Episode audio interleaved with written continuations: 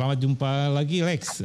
Ini ini saya sengaja membuat tiga episode karena kita tuh kalau nggak meres kamu tuh nggak puas Lex. Jadi kalau nggak meres apa pengalaman Lexi di berbagai apa bidang. Diperes aja masih masih gede begini aman kau dan. Lex di episode ini sebenarnya ada kaitannya dengan apa ya kalau di Indonesia itu ada pikiran-pikiran tentang Indonesia 2045. Jadi itu semacam kampanye gitu. Bahkan Bapenas sudah punya dokumen sendiri tentang Indonesia 2045. Kritiknya adalah bahwa siapa yang bikin itu gitu. Perasaan saya nggak ikut-ikutan deh gitu. Kalau saya ngobrol dengan akademisi, saya nggak terlibat. Jadi hanya ada segelintir orang yang apa yang menghitung-hitung gitu ya apa yang akan terjadi dan seharusnya terjadi pada tahun 2045. Jadi sekarang pertanyaan saya sebenarnya adalah bagaimana sih sebenarnya yang keren gitu untuk bisa melihat masa depan? Karena dari beberapa alumni sekolah di Inggris itu juga meyakinkan ke, ke saya itu masa depan itu bukan given gitu ya. Masa depan tuh satu majemuk, yang kedua tuh bisa dibentuk gitu. Nah kemudian belajarnya tuh dari Inggris, misalnya tentang apa? Tentang tentang foresightnya energi yang terbarukan apa? Tentang energi di di Inggris itu salah satu yang dianggap terbaik di dunia gitu. Oh ya? Wah itu perdebatannya bisa dua apa dua tahun lebih untuk bisa mengambil keputusan politik itu gitu. Nah, nah saya ingin dapat insight dari Lexi sebenarnya gimana sih di dalam percaturan apa ya keilmuan atau ya apa menjadi konsultan-konsultan pembangunan di, di berbagai negara. Gimana ya kan cara melihat masa depan itu sebenarnya? uh, untuk melihat masa depan sesungguhnya uh, uh, kita di Indonesia kan banyak dukun. itu adalah sesuatu itu adalah apa namanya untapped reserve yang gak dipakai oleh orang Indonesia gitu. Tapi tentu saja kalau kita mau lebih uh, kalau kita mau yang yang lagi-lagi yang terkuantifikasi yang katanya rasional gitu kan, tentu saja kita harus punya cara untuk bisa uh, apa namanya memperkirakan seperti apa uh, uh, sesuatu negara itu uh, akan akan berada di uh, tahun yang kita ya tahunnya kita jadikan uh, uh, apa namanya milestone gitu. Nah, pertama adalah kita tentu saja melihat uh, kalau kita membandingkan misalnya antara Eropa dengan dengan Asia saja dengan ini eh, saya mengatakan misalnya Eropa dengan Indonesia gitu bedanya di sini dengan di sana adalah bahwa di sini sistem politiknya adalah sistem politik liberal. Bahwa semua itu diatur uh, dan kalau di Inggris itu adalah sistem uh, politik parlementer yang liberal gitu. Jadi semua diatur oleh anggota parlemen dan semua ditentukan oleh uh, voters mereka. Siapa yang siapa yang me, memberikan mereka mandatnya supaya bisa melaksanakan uh, membuat keputusan-keputusan terhadap apa yang dikerjakan oleh seluruh masyarakat di negaranya. Itu tentu saja beda sekali sistemnya dengan di Indonesia, di mana sistem presidensial satu orang bisa menentukan segalanya di uh, check and recheck oleh lembaga DPR dan kemudian juga di sebagai seorang yang uh, dan sebagai lembaga yang membuat membuat uh, legislasi dan kemudian ada lembaga yudikasi itu uh, bagaimana bagaimana antar lembaga ber, uh, berinteraksi menentukan resultantenya menentukan keberhasilan negara itu gitu. Jadi kalau di sini setiap member of parliament anggota parlemen itu mewakili uh, konstituensinya mewakili uh, daerah dapil dia. Dan yang namanya wakili dapil tidak hanya mewakili bagaimana uh, apa namanya uh, suatu keputusan politik dibuat, termasuk juga membantu secara keseharian semua apa namanya masalah sosial yang ada di dalam dapilnya.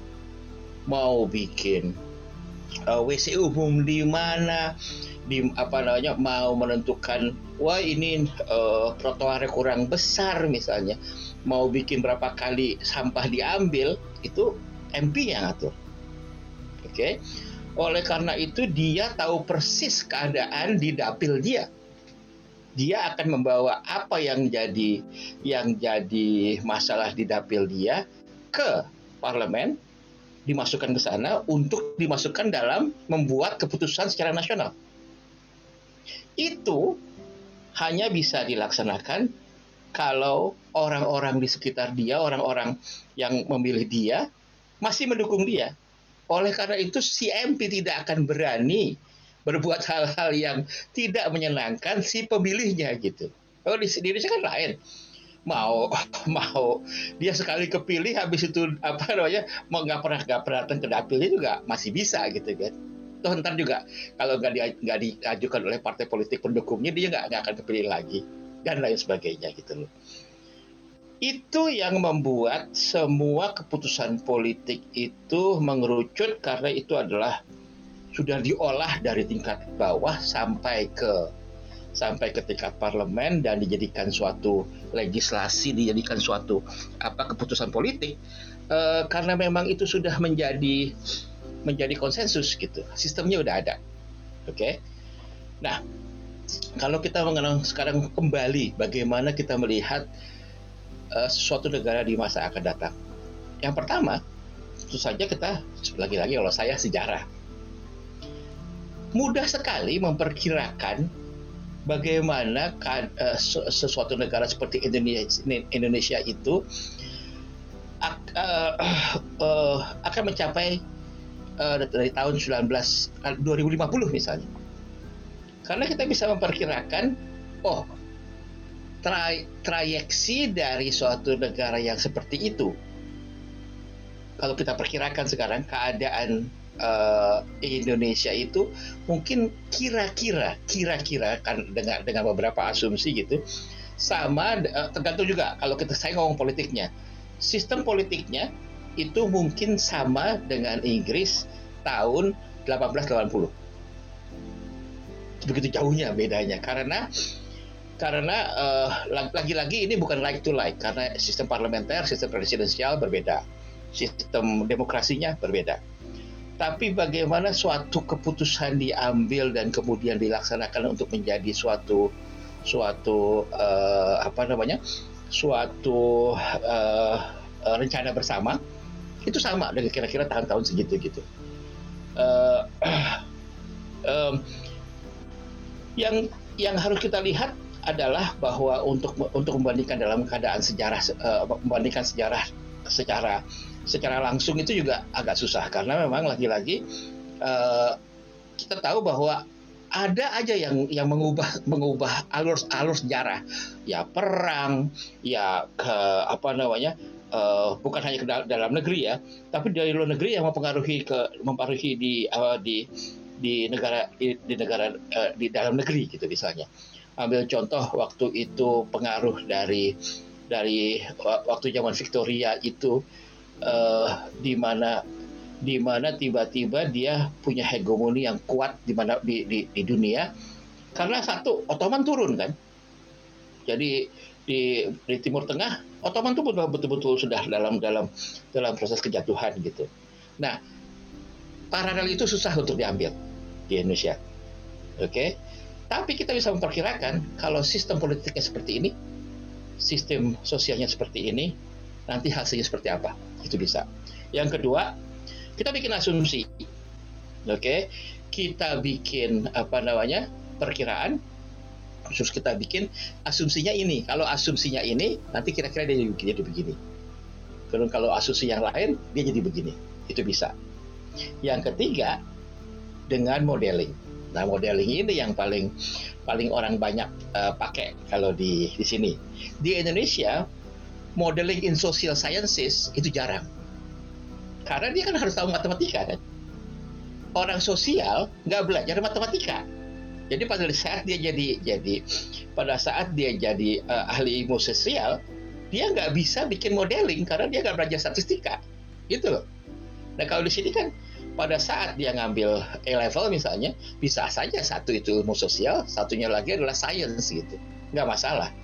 Jadi kadang-kadang ada orang yang yang ngerti social sciences ngerti ngerti statistika gitu. Dia bisa bikin modeling in social sciences sistem pendidikan juga beda hasilnya juga beda kan gitu. Nah uh, kalau dalam modeling modeling modeling ini itu banyak sekali faktor yang bisa kita masukkan gitu. Kalau uh, kita mau melihat misalnya pertumbuhan ekonomi apa saja yang harus di harus dimasukkan ke sana? Jadi misalnya uh, persaingan bebas kemudian apakah uh, apakah kita akan peg uang kita ke dolar atau peg uang kita ke ke ke euro atau di float sama sekali kayak uh, atau di, diatur sama sekali seperti uh, renminbi yuan misalnya kayak kayak sistem sistem Cina gitu. Dia mau nyata uang sebanyak apa pun juga dia mau ngasih min, minjem orang sebanyak apa pun juga ke luar negeri nggak masalah orang dia self regulator dan self regulatornya itu apa namanya betul-betul uh, sistem yang tersentralisasi satu orang nentuin. Pokoknya saat ini nilai uh nilai tukar uh, yuan terhadap dolar segini. Ya ya itu itu sistem ekonomi paling paling enak. Kita mau bikin uang berapa aja mau bikin mau apa namanya mau uh, ngasih pinjam uang berapa saja bisa. Karena kita kita kita cetak sendiri kita kita kasih uang itu sendiri gitu kan. Nah gimana dia bisa bikin orang mau mau menerima sistem itu? Itu yang hebat. Itu hebatnya Cina gitu loh Kenapa kita nggak bisa bikin di mana kita bisa nyetak rupiah semau kita, kita pinjemin ke ke orang yang mau minjem uang dari kita, dan orang pikir oh iya iya Indonesia kaya. Kenapa kita nggak bisa begitu kan gitu? Itu yang harus kita pikir. Kedua, yang kedua lanjutnya adalah bahwa kalau kita kita ngomong mengenai uh, apa namanya uh, tidak tidak hanya sistem politik, tidak sistem ekonomi, tapi sistem sosial bagaimana interaksi antara masyarakat di dalam negeri. Itu banyak takutnya kita kan. Kita itu uh, selalu hobinya jadi pemadam kebakaran gitu loh. Se, apa namanya pada saat ada suatu gejolak kita padamkan, kemudian kita pastikan dia tidak terulang lagi. Selalu begitu. Bukannya bahwa kira-kira akan akan seperti apa nih gitu loh ambil contoh di sini deh. Regulasi uh, uh, dunia maya.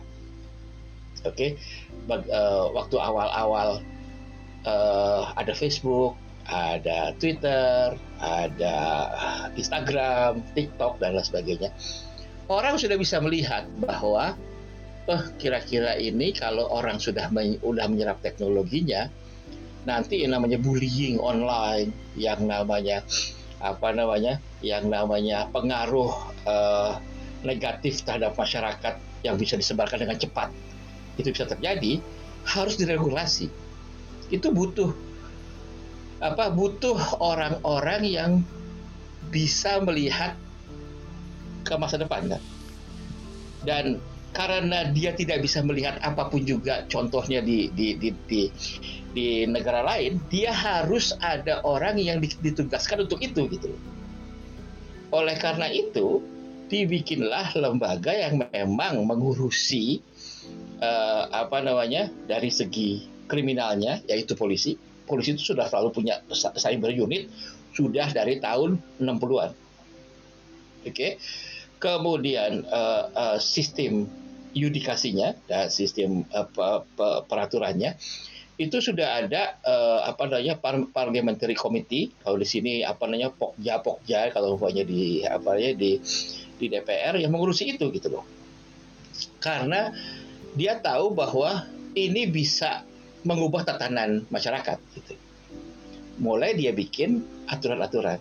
Aturan misalnya uh, perlindungan data individu itu yang pertama dia bikin karena dasarnya adalah semua orang itu harus memberikan konsen terhadap data apa yang akan dia berikan kepada masyarakat kan gitu. Kalau itu tidak ada, ya dia nggak ah, apa namanya uh, dia nggak bisa bilang bahwa oh loh dia punya hak untuk untuk apa untuk uh, mengatur apa yang akan diberikan Oleh karena itu pertama kita beri hak dulu kepada hak konsen dulu kepada si individu ini gitu loh. Sebelum dia bisa mengatur regulator lainnya kan. Karena kita memberikan dulu ini hak dia, jangan diambil haknya. Nah kalau kita larang dulu, tapi hak untuk bisa memberikan konsen itu belum diberikan gitu loh. Sekarang sih sudah, oke. Okay? Tapi awal-awal kan belum. Jadi pokoknya larang dulu, tapi haknya belum ada gitu. Gimana?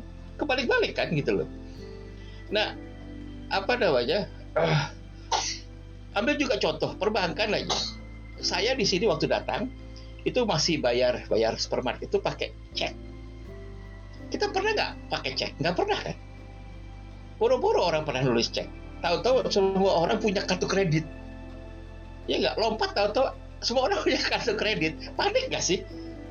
ya enggak kita tuh tidak melangkah sedikit-sedikit gitu loh jadi apa namanya pertama dari uang non cash apa bentuknya cek habis cek apa bentuknya cek jaminan karena harus ada ada ceknya, ada kartu jaminannya nih. Kalau dia hanya bisa pakai cek itu misalnya maksimum 100, tunjukin nih, nih, nih, kartu saya maksimal 100. Itu saya masih alami itu gitu. Kemudian saya bisa bayar pakai kartu debit nggak ada kartu kredit, nggak ada pinjaman dulu, kartu debit dulu. Karena saya hanya bisa membeli sesuai dengan kemampuan saya. Ini enggak. Habis itu baru ada kartu kredit. Oh, Anda boleh minjem, pakai, bayar pakai itu. Kita belajar sebagai masyarakat bagaimana menggunakan jasa perbankan. Mobil juga begitu. Dulu sebelum ada sebelum sebelum orang pakai mobil itu yang orang pertama kali pakai mobil diatur adalah di depannya harus ada orang lari pakai bendera merah begini-begini supaya orang nggak ketubruk karena kecepatan orang lari dibandingkan dengan mobilnya masih cepat masih lebih cepat orang lari di depannya dan itu membuat eh, membuat orang merasa aman gitu loh jadi dia memberikan rasa aman terhadap masyarakat dengan cara orang lari-lari pakai bendera, woi woi ada mobil di belakang saya gitu kan kita kan enggak, tahu-tahu ada mobil aja, kecepatannya tidak tahu udah yang 40 km, 50 km per jam. Itu banyaknya mati ketubruk. Kenapa saya ngomong ini? Karena kita tidak melihat proses pengembangan teknologinya. Kita langsung menjadi end user pada saat sistem itu sudah jadi. Kita tidak pernah melihat bagaimana sistem itu dibuat, bagaimana itu kemudian diregulasi, bagaimana itu kemudian diserap oleh masyarakat. Oleh karena itu, untuk mengatur akan lebih susah, akan lebih susah kan? Karena memang kita tidak belajar dari awal bagaimana menyikapi teknologi itu gitu. Selalu hasilnya adalah end, end result yang harus kita pakai dan langsung jadi status sosial. Punya mobil itu status sosial. Punya kartu kredit dulu-dulu itu status sosial. Berapa sih kartu kredit lo jumlahnya kan gitu? Ya enggak? Kemudian apa namanya? Uh, berapa pengikut lo sekarang di di Instagram itu satu sosial. Ya enggak? Nah, itu yang menjadikan me, apa, menjadikan ranc, merancang di Indonesia itu sulit karena dia tergantung dari inovasi di luar negeri. Dia tidak buat inovasi itu sendiri. Hal-hal itu yang membuat suatu suatu uh, apa namanya membuat suatu uh, rancangan apa yang akan dicapai di di beberapa beberapa dekade depan itu lebih sulit karena kita tidak tahu bagaimana lingkungan yang akan terjadi di Indonesia pada saat itu. Kita bisa melihatnya dengan oh kalau gitu kira-kira yang akan terjadi setelah ini adalah misalnya cashless society. Ya enggak? Kalau namanya udah cashless society itu berarti kita udah bayar pakai uh, apa namanya pakai chip misalnya kita taruhin chip misalnya di badan kita ya kita ke mana-mana kalau mau ngebayar tinggal kita gituin misalnya atau langsung kebayar gitu. Selama kita ngeklik tangan kita di gini tiga kali kebayar misalnya kan bisa jadi kan? Nah uh, orang udah menuju ke arah sana gitu. Saya kalau nah, apa namanya kalau lihat uh, di dompet saya duit paling 10 pon. Bukan karena emang uh, apa namanya saya nggak butuh bayar bayar lebih dari itu. Dan memang saya nggak punya uang mungkin lebih dari itu kali tapi tapi uang itu nggak pernah saya pakai di uang di kantong 10 pon tuh se sebulan hampir nggak pernah dipakai gitu loh. Karena di mana-mana bayar, bayarnya pakai pakai apa namanya pakai pakai handphone. Uh, handphone. Iya. Dan gimana kita mau menyikapi cashless society kalau bahkan bahkan kita merchantnya aja harus bawa nanti bayar pakai apa? Oh pakai BCA ada ada terminal BCA sendiri ada terminal uh, apa namanya dari BNI ada terminal ya begitulah maksudnya bahwa butuh waktu lama di Indonesia untuk menentukan bagaimana uh, uh, menyatukan sistem pembayaran aja belum belum di, di belum bisa disetujui di Indonesia dengan baik gitu loh. Gimana mau menuju ke arah cashless society gitu. Dan itu inevitable, pasti datang. Oke. Okay? Terus uh, apa namanya? Nanti katanya ada a world without boundary. Uh, apa namanya? Dunia tanpa batas. Di mana orang nggak harus pakai paspor orang tidak bisa lagi men, uh, apa namanya uh, uh, mengaku-ngaku sebagai orang lain karena semua biometrik dirinya itu sudah ter, sudah terdaftar gitu dan itu dilindungi oleh sistem uh, apa namanya perlindungan cyber yang yang apa namanya yang kuat gitu. Nah kalau udah sistem seperti ini di mana udah negara tanpa tanpa batas gitu, dan kitanya saja untuk bikin paspor masih bingung gitu kan dalam arti bahwa oh ini paspor biometrik oh ini paspor apa namanya paspornya uh, paspornya belum dicetak ada uh, paspor Indonesia nggak pakai tanda tangan karena paling baru katanya akhirnya bingung nggak diterima oleh beberapa negara karena nggak ada tanda tangannya. Uh, itu kan hal-hal yang apa namanya buat saya kadang-kadang absurd gitu loh. Karena apakah nggak ada orang yang di uh, orang yang bikin paspor di di di uh, uh, Kemhumkam itu? Orang nggak ngelihat apa dia oh sebelum dibikin aturan itu kenapa uh, apa apa nggak dia lihat gitu aturan-aturan negara lain gitu loh. Nah buat saya hal-hal seperti itu adalah penting untuk untuk diperhatikan sebelum kita bikin rencana gitu. Dan bahkan mungkin itu tidak tidak nggak pakai rencana itu kan apa ya itu suatu keputusan dia bikin. Uh ngapain buang-buang uh, kolom. Kalau kolom agama kita hapus kita hapus juga kolom tanda tangan bisa jadi kan siapa yang tahu gitu loh. Nah uh, itu yang bikin sulit.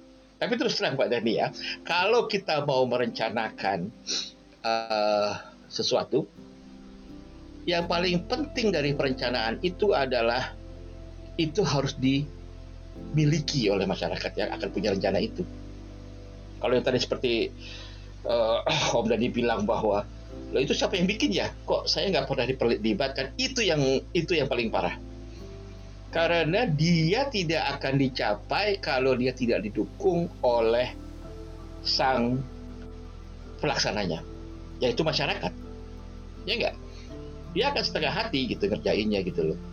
Kayak Repelita semua top down kita tidak bisa membuat sistem bottom up di mana lagi-lagi kalau di sini kan nggak nggak perlu inovasi lagi karena si MP-nya aja sudah harus ngurusin suara di di di lingkungan dia gitu loh di di di dapil dia dia pasti sudah harus memilih kan keselamatan eh, apa namanya karir politiknya dengan apa yang apakah dia mau mau mau mau uh, membela partainya kan gitu. Dia harus bisa bikin itu di tengah-tengah gitu kan. Itu yang tidak ada gitu. Nah sistem yang mendukung itu tidak ada akan lebih sulit lagi untuk bisa uh, mencapai si si rencana tanpa dukungan yang kemudian juga bahwa rencana itu tiba-tiba ada kemudian harus dijalankan dan ketika orang nggak tahu bagaimana cara itu dibikin akan lebih susah lagi kan gitu. Baik, Oleh ini itu, kan ya kalau saya tangkap ya di Indonesia itu sebenarnya tadi kan karena dia tanda kutip memulai pembangunannya juga di belakang ya. Itu dari dulu kan kita cuma ikut yang di depan. Kalau di Inggris gitu, kalau di Eropa gitu, kalau di Amerika, Amerika, nah, iya. kalau di Singapura gitu ya, itu seperti ini. Jadi sering kali sebenarnya kita hanya meniru gitu, hanya copy paste dari apa yang sudah ada di dunia ini gitu. Jadi Itu bukan juga bukan hal yang jelek. Oke, Jepang juga copy paste, Cina copy paste, Korea copy paste. Tapi dia bisa bikin itu jadi kearifan lokal. Itu bedanya kan? Kita nggak bikin jadi kearifan lokal. Kita jadikan itu sebagai eh, apa namanya? Sebagai refleksi sosial kita di di di, di lingkungan kita gitu loh. Bahwa eh, apa namanya? Kalau kita punya punya hasil uh, uh, end produknya, punya handphone yang paling bagus, punya uh, bahkan tas tas ibu-ibu itu kan paling paling luar biasa gitu loh. Saya sendiri bingung, kok ada ada tas harganya miliaran dia saya nggak masuk akal gitu. Karena itu bukan bukan sesuatu yang uh, saya tertarik dan saya nggak akan mampu belinya gitu sehingga saya nggak tertarik sama sekali. Tapi bahwa itu dibahas oleh masyarakat itu memprihatinkan gitu loh bahwa Rizky Bilar pakai baju berapa juta dibahas gitu buat saya cemen amat sih kalau maksud bukan bukan bukan menghina bukan mengkritik. Ya, tapi cuma saya gini loh Lex concern saya apakah dari dalam sejarah Indonesia itu ada yang kita bisa pakai sebagai satu energi gitu untuk kita sebenarnya bisa loncat gitu kalau dari situasi yang sekarang kan selalu ya sampai kiamat kita bakalan di belakang Eropa dong. Dari sampai kiamat kita akan ada di belakang mungkin Jepang atau Amerika itu. Nah ini kan perlu sesuatu yang kita jejak dari sejarah. Bisa nggak sih sebenarnya kita kita ya minimal sejajar lah dengan mereka-mereka itu sehingga banyak imajinasi-imajinasi di Indonesia yang kadang ya gap gitu, ada tegang gitu. Mau diajak lari, ada yang maunya lambat. Ya, kalau lambat kita juga dihina-hina negara lain gitu ya. Jadi kadang ini kan ada semacam, oh ya kita harus lebih maju dari di Asia Tenggara paling maju gitu misalnya. Dan ini kan kadang kita ngerespon Thailand kok bisa begini, kita aja udah kesusul Vietnam sekarang dan sebagainya gitu. Jadi ada nggak kalau dari perspektif sejarah kalau kita lihat ke masa depan ya, yang bisa sebenarnya dipakai oleh bangsa Indonesia ini menjadi modal gitu untuk bahwa kita sebenarnya punya loh karakter yang yang luar biasa gitu yang apakah itu disiplin, apakah itu imajinasi, apakah itu budaya. Kalau Lexi lihat ya, Lex. Sebelum saya jawab itu secara langsung, saya mulai dulu dari dari uh, uh, saya percaya bahwa tidak ada yang abadi di di dunia ini termasuk kemajuan dari suatu negara. Itu tidak abadi. Selalu center of uh, uh, excellence, center of uh, uh, power itu selalu berubah. Kita belajar bahwa awal dari peradaban itu semua dimulai di Mesopotamia, di apa namanya, di Asia Selatan. Kemudian dia berkembang uh, apa namanya uh, sebagian besar dulu di uh, Middle East, oke, okay? uh, di Timur Tengah. Baru kemudian dia bergeser uh, uh, uh, dan, dan pada saat itu terjadi, Cina juga mulai apa namanya, Cina mulai mulai membesar dan mulai punya kekuasaan yang besar, yang punya wilayah yang besar sehingga dia bisa mempunyai resources yang cukup besar untuk membuat negaranya negaranya jadi kaya gitu dia bersaing kemudian dengan Timur Tengah dan Eropa belajar dari Timur Tengah zaman itu. Jadi itu tuh shifting terus uh, Om Dani, jangan takut. Hmm. Kalau uh, tadi Om Dani bilang kita akan terus-terusan di belakang Eropa atau Amerika, jawabannya mungkin dalam hidup kita, dalam selama umur hidup kita tinggal sebentar lagi gitu. Mungkin iya, saya nggak bilang bahwa pada zaman anak saya Eropa akan jauh lebih lebih uh, maju, maksud lebih maju daripada daripada Indonesia atau Asia tidak. Terus terang, negara mana yang punya uh, apa namanya pertumbuhan ekonomi lebih dari lima persen zaman seperti ini? di Eropa? Gak ada. Semua kontraksi. Di Asia masih ada yang di atas 10 persen, masih ada ya negara kita aja 6-7 persen, lebih dari itu kadang-kadang gitu. Itu menjadi kekhawatiran negara-negara maju. Karena tidak ada satupun negara maju yang bisa mencapai pertumbuhan, eh, pertumbuhan ekonomi seperti itu di dunia, hanya di Asia. Dan kalau kita lihat juga bahwa tren seperti ini, kemampuan eh apa namanya? Karena uh, pertumbuhan ekonomi itu penting. Dia itu akan merefleks, merefleksikan kemampuan negara itu untuk menjadi kaya di masa akan datang. Si negara Eropa dengan ekonomi yang kontraksi yang mungkin minus nol bahkan atau di sini uh, eh, 0,3 aja udah bangga gitu. 0,3 loh dan. Itu kecil sekali gitu pertumbuhan ekonominya karena dia stagnan. Pertama dia mungkin hidup lebih dari kemampuannya sehingga dia harus membayar uh, hutang bukan hanya negara tapi hutang masyarakatnya karena dia harus untuk bisa menghidupi masyarakatnya dia harus utang. Utang sama siapa? Kepada ke masyarakatnya atau ke masyarakat negara maju lainnya kan gitu. Nah, oleh karena saya nggak akan takut bahwa kalau kita pasti suatu saat akan lebih besar dari mereka secara ekonomi dan kalau kita sudah besar secara ekonomi kita akan memimpin uh, inovasi teknologi itu selalu begitu orang kaya dulu supaya dia bisa memperhatikan lingkungannya. Orang kaya dulu supaya dia bisa membuat suatu inovasi baru yang mempermudah hidupnya. Orang miskin tidak bisa membuat inovasi baru karena pertama dia nggak bisa punya ide, kedua dia nggak punya uang untuk bikin itu, ketiga nggak ada yang dukung dia kan gitu. Jadi penting sekali untuk mempertahankan pertumbuhan ekonomi itu. Saya ngomong yang eh, yang goblok-goblokannya ini karena faktornya banyak. Oke. Okay? Jadi saya percaya bahwa kita dalam waktu katakan 5 4 30 40 50 tahun yang akan datang itu ekonominya mungkin akan bisa lebih besar daripada Eropa dari Amerika. Kalau Eropanya nggak berubah, kalau Eropa, kalau Amerikanya nggak berubah. Oke. Okay? Karena itu kan asumsinya begitu kan. Terus terang, saya melihat banyak sekali sekarang apa namanya inovasi-inovasi baru di Indonesia. Meskipun uh, apa namanya meskipun itu buat saya copy paste, ambil contoh semua to uh, Tokopedia misalnya, beli-beli misalnya. Oh, contoh dari Amazon, contoh dari segala macam lah gitu kan.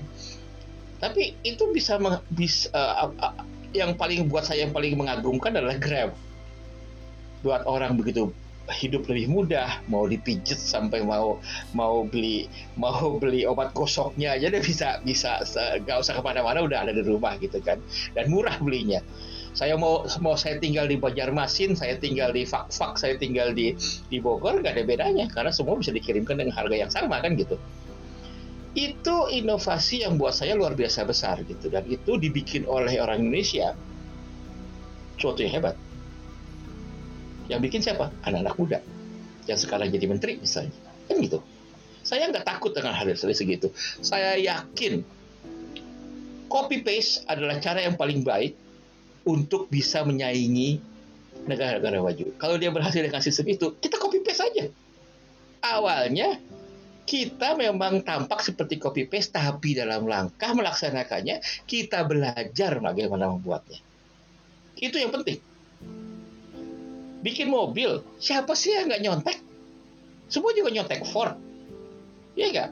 Di sini juga beli dulu apa namanya ah, itu bedanya kita beli dulu lisensinya baru kita bikin di sini kalau Indonesia kan nggak kita contek aja bisa-bisa kita pakai kita pakai itu, itu ya kadang-kadang uh, dari segi dari segi legalitas dan dan dari segi apa namanya dari segi uh, kurang cantik melaksanakannya itu saja tapi kalau kalau bisa murah kenapa harus bayar mahal? Ya itu ya selama kita tidak harus tidak harus mempertanggungjawabkan secara hukum ke luar negeri ya nggak masalah kan gitu loh.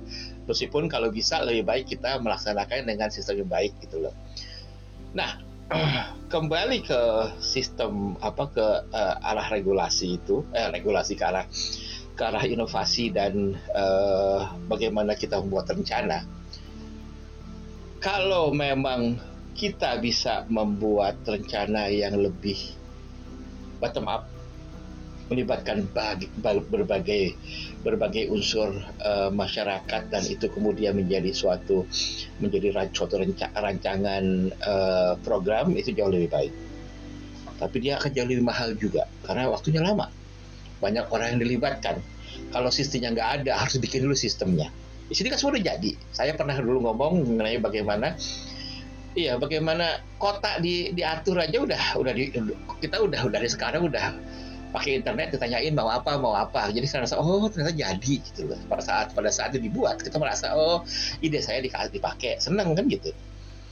Nah itu yang harus kita mulai. Itulah niche market yang bisa kita pakai untuk untuk berba, berbagai eh, masyarakat madani untuk setiap kota. Nggak usah ngomong negara deh ngomong lo uh, local area aja gitu bagaimana kita bisa memasukkan ide-ide supaya kenapa sih kalau namanya pasar di Indonesia itu harus selalu orang uh, se, apa namanya menggunakan semua lahannya ada sehingga tampak hiruk pikuk dan susah untuk diatur. Kenapa kita nggak bisa bikin pasar yang apa namanya yang uh, bersih mantap dan berwibawa. Dalam arti bahwa si si pembelinya merasa bahwa dia dia ke sana bisa sebagai suatu suatu pelepasan dalam arti suatu suatu uh, uh, pengalaman yang bikin jadi dia dia jadi rileks gitu. Si penjualnya juga merasa terlindungi baik dari preman pasar maupun dari dari ancaman dan lain sebagainya. Dan dia tahu bagaimana menjual dengan baik. Ada standar bagaimana menjual barangnya karena di sini semua ada itu gitu loh. Kemudian juga bahwa uh, apa namanya transaksi antara si pembeli dan penjual itu ada regulasinya bahwa kalau saya nggak suka barang ini saya bisa mengembalikan dalam waktu misalnya 28 hari misalnya. Itu apa namanya hal-hal yang bisa kita laksanakan dari sekarang gitu loh. Dalam arti bahwa pengakuan kons apa, eh, hak konsumen di Indonesia kan masih masih masih parah juga gitu loh. Kan bahkan hampir tidak punya hak yang namanya konsumen itu. Kalau ketipu ya nggak bisa apa-apa gitu misalnya. Itu itu di sini tahun tahun 1900-an gitu loh. Dan inovasinya macam-macam dari namanya namanya trading standar di sini bahwa setiap orang yang uh, beli makanan di, pinggir jalan. Dulu kan masih ada ada di pinggir jalan ya kan? Itu apa namanya uh, uh, di, di, uh, apa ke, ke, ke, ke, kesehatannya hygiene diatur. Bagaimana cara mengatur hygiene dengan dilatih. Bagaimana uh, setelah, setelah dilatih dia bisa meningkatkan meningkatkan hygiene itu? Dengan diberikan fasilitas baik baik gerobaknya maupun bagaimana cara untuk membersihkannya dengan baik dan lain sebagainya. Kasih kredit kasih bantuan lang secara langsung dan lain sebagainya. Itu hal-hal yang bisa kita kerjakan dari sekarang.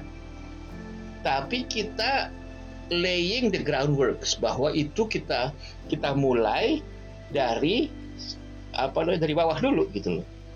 Bahwa yang namanya ke uh, apa namanya uh, food hygiene itu harus dipenuhi bahwa kalau dia kita menjual ke ke masyarakat kita harus bisa uh, memastikan ada temperature control sehingga tidak ada kontaminasi terhadap makanan yang dijual ke masyarakat gitu loh. Oke Lex, ini And, oh, Bon, silakan. Oke, jadi ini menarik ya untuk episode yang kedua tentang kita melihat masa depan. Sebenarnya adalah bahwa masa depan sendiri tadi ya ada beberapa cara untuk bisa membentuknya ya mulai dari apa ekstrapolasi data yang tren ya dari masa lalu sampai ke modeling. Cuma saya tertarik sebenarnya bagaimana mempersiapkan masa depannya itu ya. Apa pun masa depannya kan harus dipersiapkan hari ini gitu. Nah di dalam tadi percakapannya kan ke sistem politik ya. Karena sistem politik punya implikasi di dalam proses pengambilan keputusan untuk publik ya.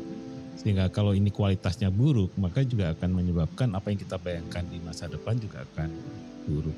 Kemudian tadi menarik sebenarnya bagaimana mengatur ini di dalam satu sistem sosial yang apa?